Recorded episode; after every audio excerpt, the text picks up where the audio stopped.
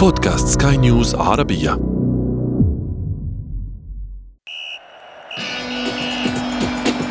أثير الكرة.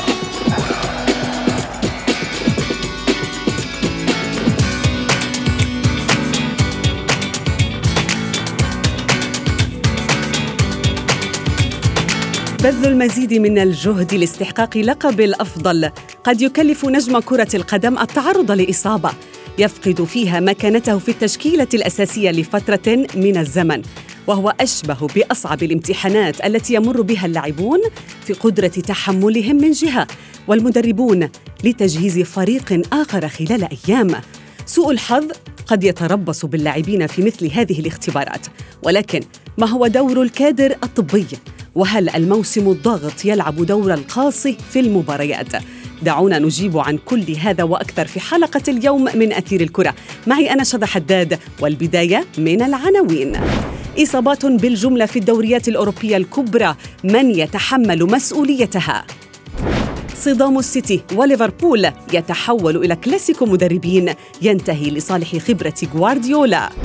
وفي فقرة ما لا تعرفونه عن كرة القدم نكشف لكم اللاعب الذي دخل موسوعة جينيس بعد انضمامه للنادي رقم 30 خلال مسيرته الاحترافية.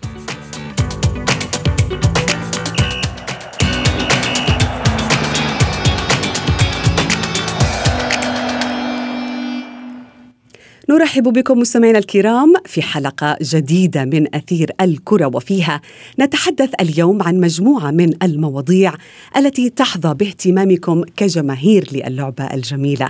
وعلى رأسها لربما الأزمة الجديدة القديمة التي تهدد موسم الأندية الحالي. ففي كل جولة أو في كل دوري بتنا نسمع عن لاعب كبير يسقط على أرضية الميدان متاثرا بإصابته الجديدة.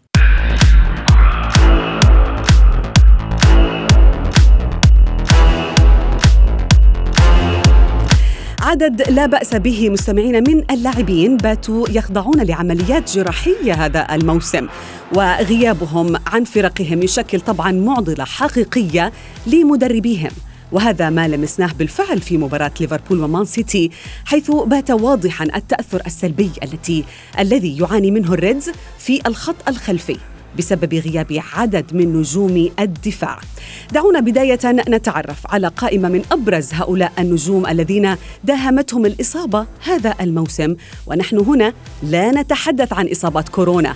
التفاصيل في تقرير الزميل محمد عبد السلام بصوت أشرف فارس.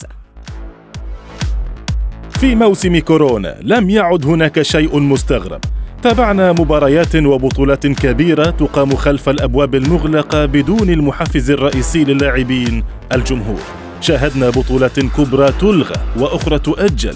وأندية يتم إقصاؤها بسبب ارتفاع إعداد المصابين بالفيروس المستجد.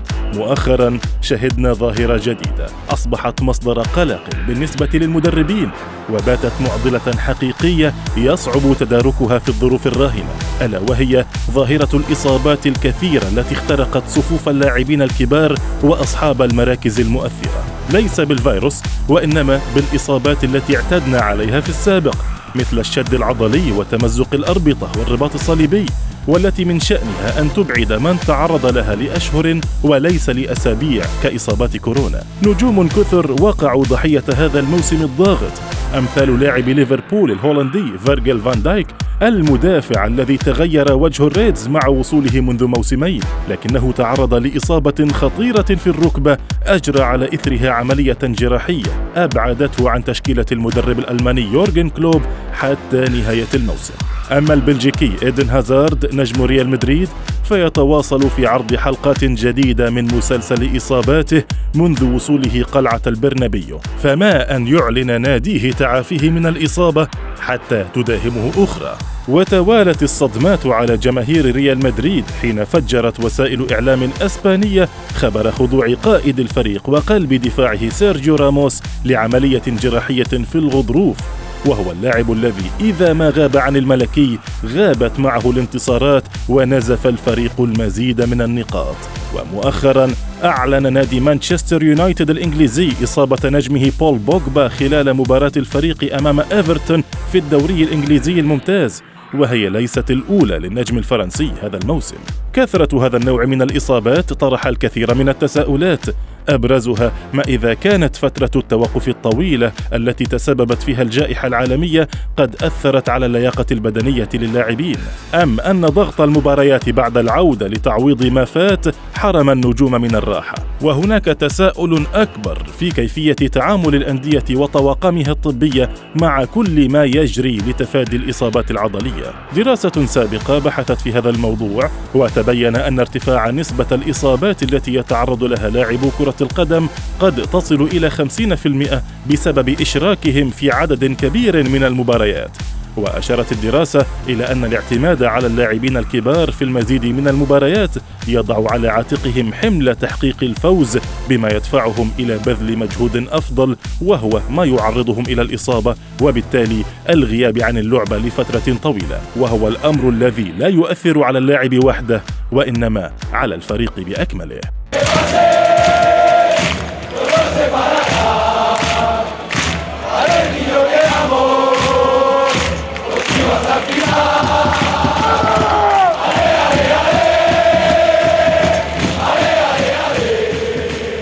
بكم من جديد في أثير الكرة. مستمعينا تعاني بعض الأندية البارزة في أوروبا من آه، الإصابات المتكررة في صفوف لاعبيها بينما تتمتع أندية أخرى بنسبة أقل من الإصابات. هناك العديد من الأسباب البدنية والنفسية أيضا التي تلعب دورا بارزا في ذلك.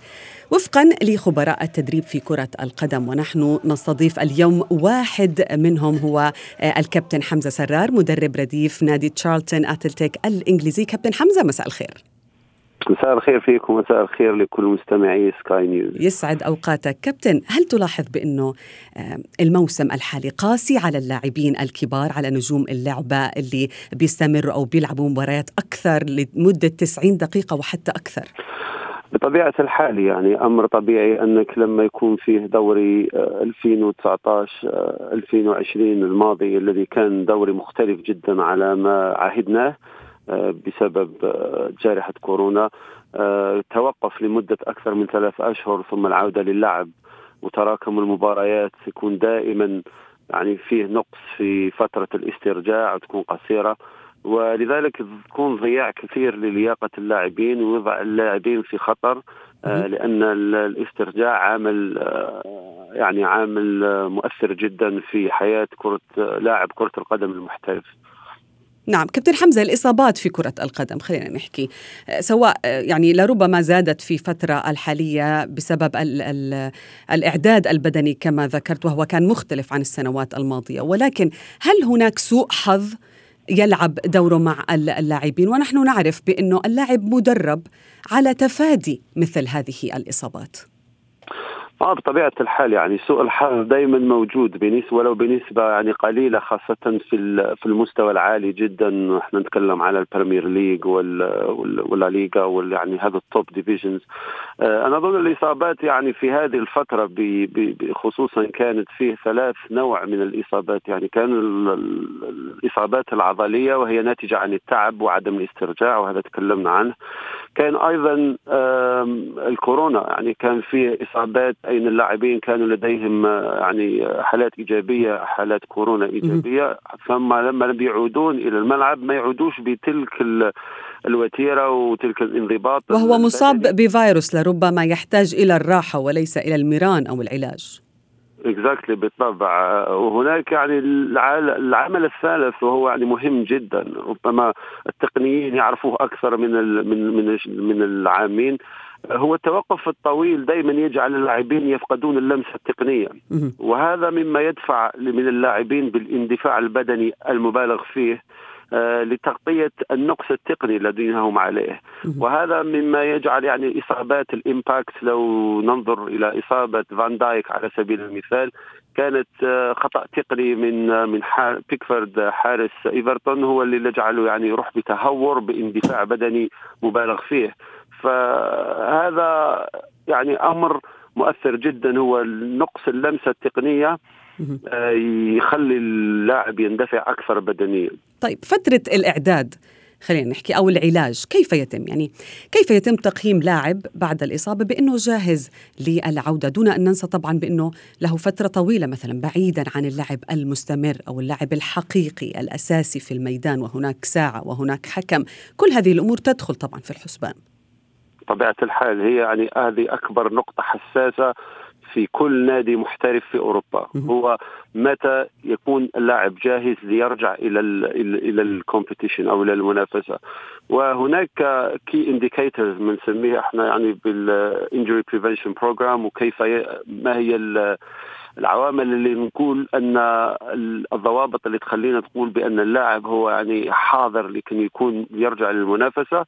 ولكن يعني في في بطبيعة الحال يعني في في آخر المطاف يبقى دائما هو نوعية الإصابة هي نعم. إذا كانت عضلية أو كانت امباكت الحاجة الأولى. الشيء الثاني هو طريقة الاسترجاع للاعب و يعني أو الاستعجال في العودة لربما كابتن والاستعجال في العودة ولكن التحمل للاعب أيضا لأن اللاعب يعني من فرد إلى فرد تختلف يعني فيزيولوجيا يختلف كيف هو يسترجع من فيهم من يسترجع بسرعة فيهم من يسترجع على يعني آه، مدة أطول.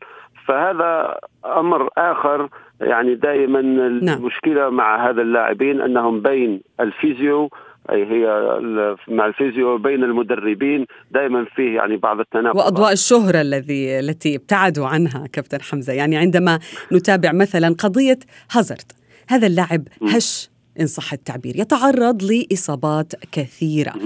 نجم كبير بحجم هازارد لم يكن آه، يعيش هذه الأجواء مثلا في تشيلسي. ماذا يكون السبب؟ هل للكادر الطبي هنا يعني سبب فيما يحصل للنجوم الكبار عندما يتعرضون لأكثر من إصابة في فترة زمنية قصيرة.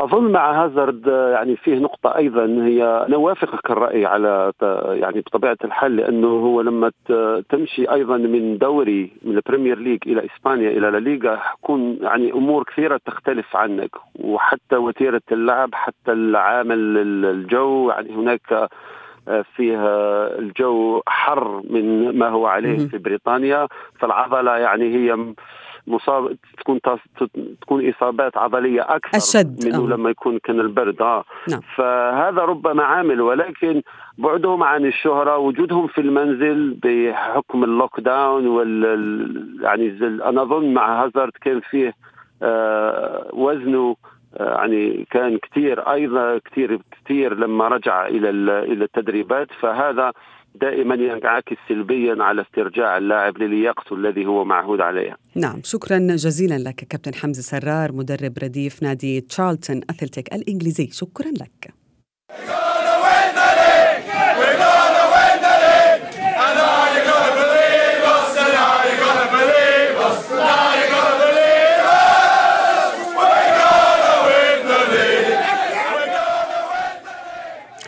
ننتقل لموضوع آخر وليس بعيدا عن موضوعنا الأول فهو عندما يعني يجتمع عمالقة التكتيك في مباراة واحدة يتحول الصراع. من اللاعبين إلى المدربين وذلك لأنهم يعتبرون طبعا عنصر مهم من عناصر الانتصار أو طبعا أحد الأسباب الرئيسة لتكبد الخسارة.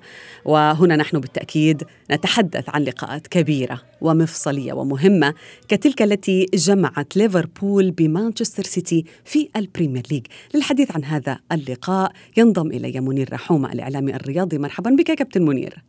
مرحبا شذا مسي عليك ومسي على كل الساده مستمعي سكاي نيوز عربي. أهلا بك. كابتن منير ما رأيك بما آه، قدمه مان سيتي وليفربول في قمة أنفيلد هذا الموسم؟ طبعا هي بالتأكيد كانت مباراة آه، مباراة قمة. بأتم معنى الكلمة سواء على مستوى التكتيكي والحوار المتجدد بين كلوب وغوارديولا أو بالنسبة للفريقين يعني المرشحين دائما للمنافسة على اللقب خاصة وأن ليفربول هو حامل لقب الدوري الإنجليزي. وشاهدنا طبعا آه، وفاز بدوري أبطال أوروبا وخلال المواسم الماضية تعملق وأعاد إلى مكانه الطبيعي من آه، ضمن الأندية الكبرى في أوروبا. طبعا آه، كانت مباراة مهمة جدا بالنسبة لحسابات الدوري الإنجليزي. آه، النتيجة كانت غير متوقعة. الأمانة أن الفوز برباعية في هذه المرحلة بالذات من الدوري الإنجليزي كانت صادمة لجمهور طبعا ليفربول بينما سار لجمهور مانشستر سيتي نعم.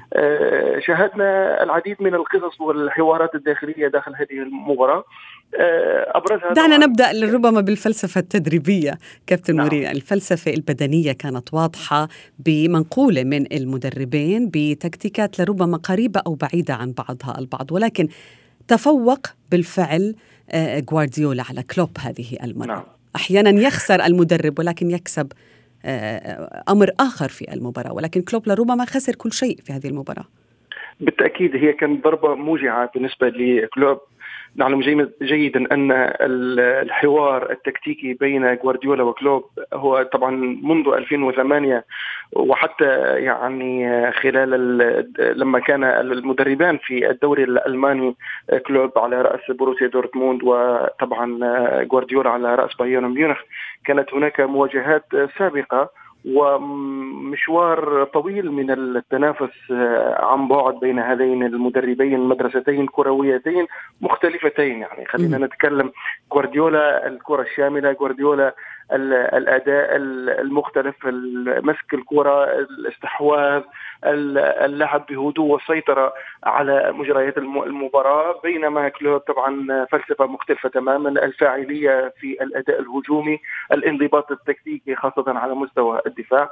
لكن هذا طبعا لم نشاهده بالأمس. شاهدنا انهيار الدفاع شاهدنا العكس. شاهدنا استحواذ أقل من مانشستر سيتي وفوز. بالضبط. نعم نعم. شاهدنا يعني كل العوامل القوة التي كان يملكها كلوب في الموسم الماضي والمواسم السابقة انهارت في مباراة مانشستر سيتي. كان يعني ضعيف على المستوى الأداء الدفاعي. طبعا هناك يعني ثغرات كبيرة خاصة وأخطاء فادحة بالنسبة للحارس الحارس أليسون.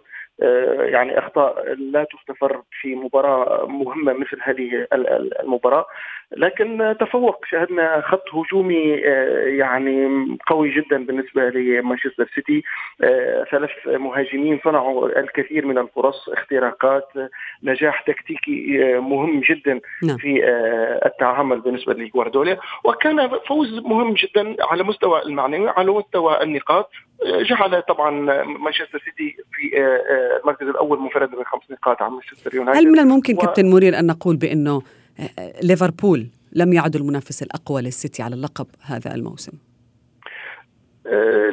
من المبكر شذا أن نتكلم على هذا خاصة أن اليوم في لكن عشر عشر نقاط ومانشستر نعم. سيتي في أوج تألقه يعني الموسم الماضي ليفربول حسم اللقب بفارق 18 نقطة عن مان سيتي ولكن صحيح. هو هو يبتعد هناك مانشستر يونايتد وليستر سيتي في, في, في أقرب إلى المان سيتي في في هذا الصراع هذا الموسم. بالضبط شذا لكن اليوم أنا يعني شخصيا أرى الخطر بالنسبة لمانشستر سيتي في المنافسة على على اللقب.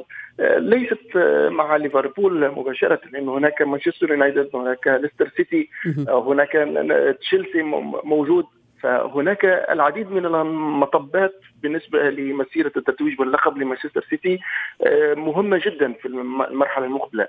فأعتقد أن هناك بعض الفرق سوف تلعب دورا مهما في تحديد مسار التتويج باللقب. نعلم جيدا أن حتى بالنسبة لجوارديولا بعد المباراة والفوز المهم برباعية في مباراة الأمس يعني لم يتكلم عن التتويج باللقب. قال يعني ما زال الطريق طويل ما زالت هناك يعني العديد من المحطات نعم. المهمة لكن المهم اليوم أننا فزنا على ليفربول ويتمنى طبعا أنه الفوز يكون في مباراة أخرى بهذه الطريقة لكن أمام الجمهور. أمام الجمهور وأيضا هناك نحن ننتظر الصفقات لربما الذي التي أبرمها ليفربول في يناير. هل توافق كلوب عندما قال بأن هؤلاء أو تلك الصفقات حضرت الحفل متأخر؟ هذا كان رد فعله. هل هذا صحيح؟ بالتأكيد يعني خلينا نعترف أن الدوري الإنجليزي يبدأ مبكرا. ولا يتوقف. ولا يتوقف. هناك ضغط كبير بالنسبة للمباراه حتى الفرصة تكون صعبة جدا بالنسبة للجهاز الفني والمدرب أن يمنح الثقة مباشرة لهؤلاء اللاعبين المشاركة في خاصة وأن مباريات حاسمة مباريات مهمة جدا في هذا التوقيت. فاعتقد أن يعني التوقيت متأخر بالنسبة لفريق ينافس على اللقب. نعم نعم. شكرا جزيلا لك كابتن منير. رحومه الاعلامي الرياضي كنت معنا في أثير الكرة.